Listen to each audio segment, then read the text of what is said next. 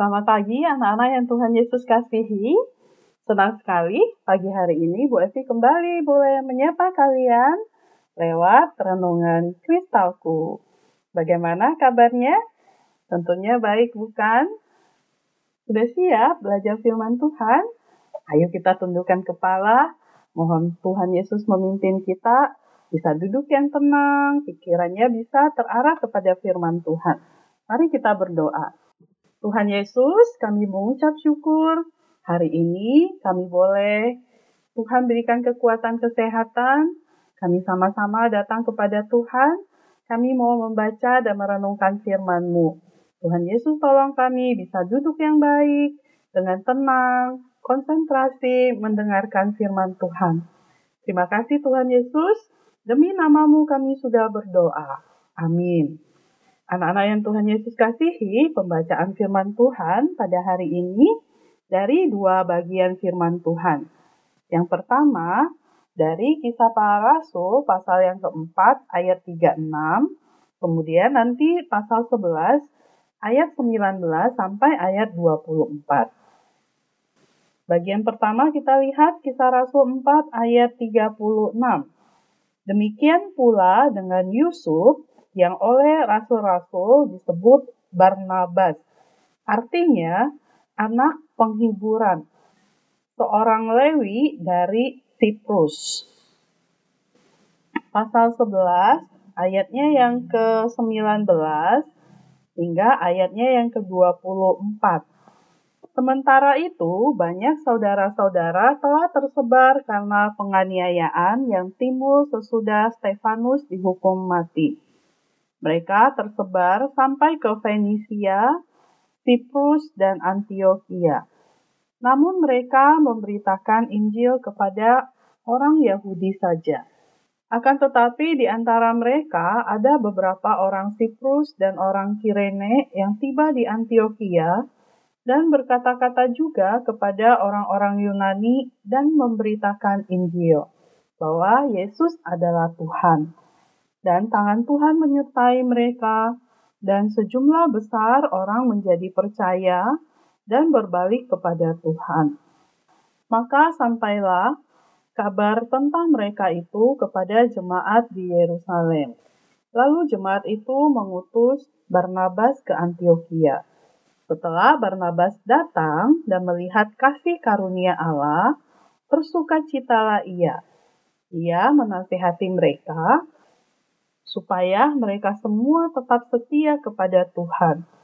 Karena Barnabas adalah orang baik, penuh dengan Roh Kudus dan iman, sejumlah orang dibawa kepada Tuhan. Anak-anak yang Tuhan Yesus kasihi, dari pembacaan firman Tuhan hari ini kita melihat ada seorang bernama Barnabas. Dia adalah seorang Lewi yang bertugas di bait Allah yang sudah percaya Tuhan Yesus. Dia berasal dari tempat yang namanya Siprus. Siprus itu sebuah pulau besar di Laut Mediterania. Nama aslinya adalah Yusuf, tetapi murid-murid menamai dia Barnabas, yang artinya anak penghiburan. Para pemimpin Yahudi di Yerusalem membenci orang-orang yang percaya kepada Tuhan Yesus dan mulai menganiaya orang-orang percaya lebih berat lagi. Anak-anak Tuhan melarikan diri ke kota yang jauh. Mereka membagikan firman Tuhan, kabar baik tentang Yesus ke mana pun mereka pergi. Banyak yang mendengar kabar baik itu menjadi percaya kepada Tuhan Yesus dan mereka diselamatkan. Ketika berita tentang apa yang terjadi sampai ke Yerusalem, mereka di Yerusalem mengutus Barnabas untuk pergi ke kota Antioquia untuk kasih semangat sama mereka di sana. Barnabas sangat senang melihat hal-hal yang luar biasa yang Tuhan lakukan di Antioquia dan terus kasih semangat sama anak-anak di sana untuk setia kepada Tuhan Yesus. Anak-anak yang Tuhan Yesus kasihi, seberapa penting sih karunia menghibur atau memberi semangat semua orang pasti perlu disemangati. Hidup ini keras. Kita semua bisa mengalami sedih, putus asa, dan kita butuh ada seorang untuk membantu kita melihat situasi sulit di mana kita berada di dalamnya. Seseorang yang bisa membangkitkan harapan kita, membantu kita berpikir positif, untuk menolong kita keluar dari keadaan yang sulit itu. Banyak anak Tuhan harus mengubah cara hidup mereka karena mereka sebelumnya adalah orang yang percaya kepada dewa, dewa yang tidak percaya kepada Tuhan Yesus. Setelah mereka percaya Tuhan Yesus, mereka harus tinggalkan semua itu. Beberapa di antaranya ditolak oleh keluarga dan juga teman-teman mereka tidak mau lagi berteman sama mereka.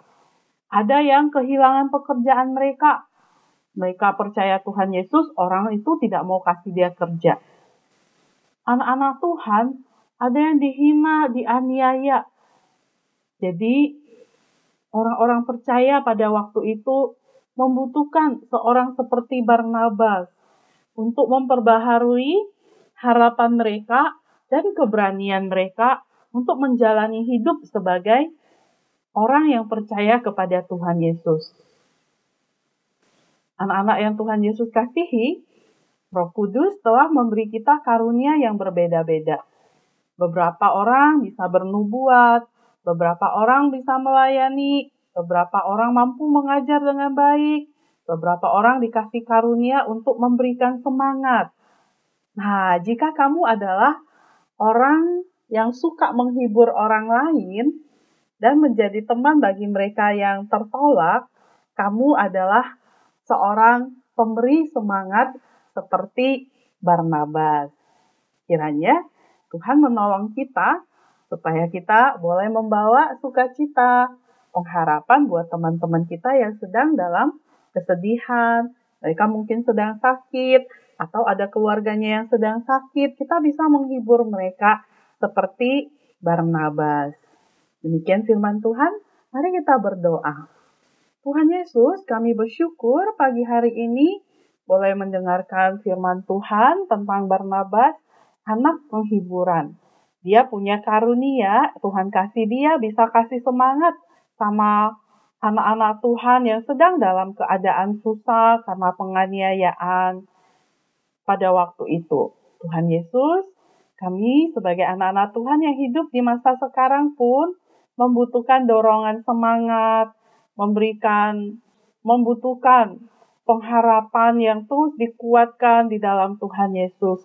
Oleh karena situasi yang sulit yang kami hadapi.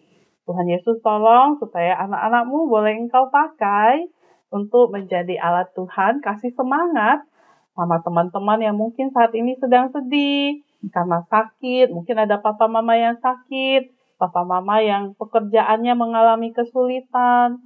Kiranya Tuhan tolong supaya kami boleh menjadi Barnabas Barnabas di masa kini yang memberikan penghiburan dan semangat pada orang lain. Terima kasih Tuhan Yesus. Ini permohonan dan doa kami yang kami alaskan hanya demi nama Tuhan Yesus. Amin. Ayat mas kita hari ini dari 1 Tesalonika pasal yang kelima ayatnya yang ke-11. Karena itu, nasihatilah seorang akan yang lain dan saling membangunlah kamu seperti yang memang kamu lakukan. Demikian firman Tuhan. Selamat belajar. Bersama Yesus, aku bisa bergerak dan berubah.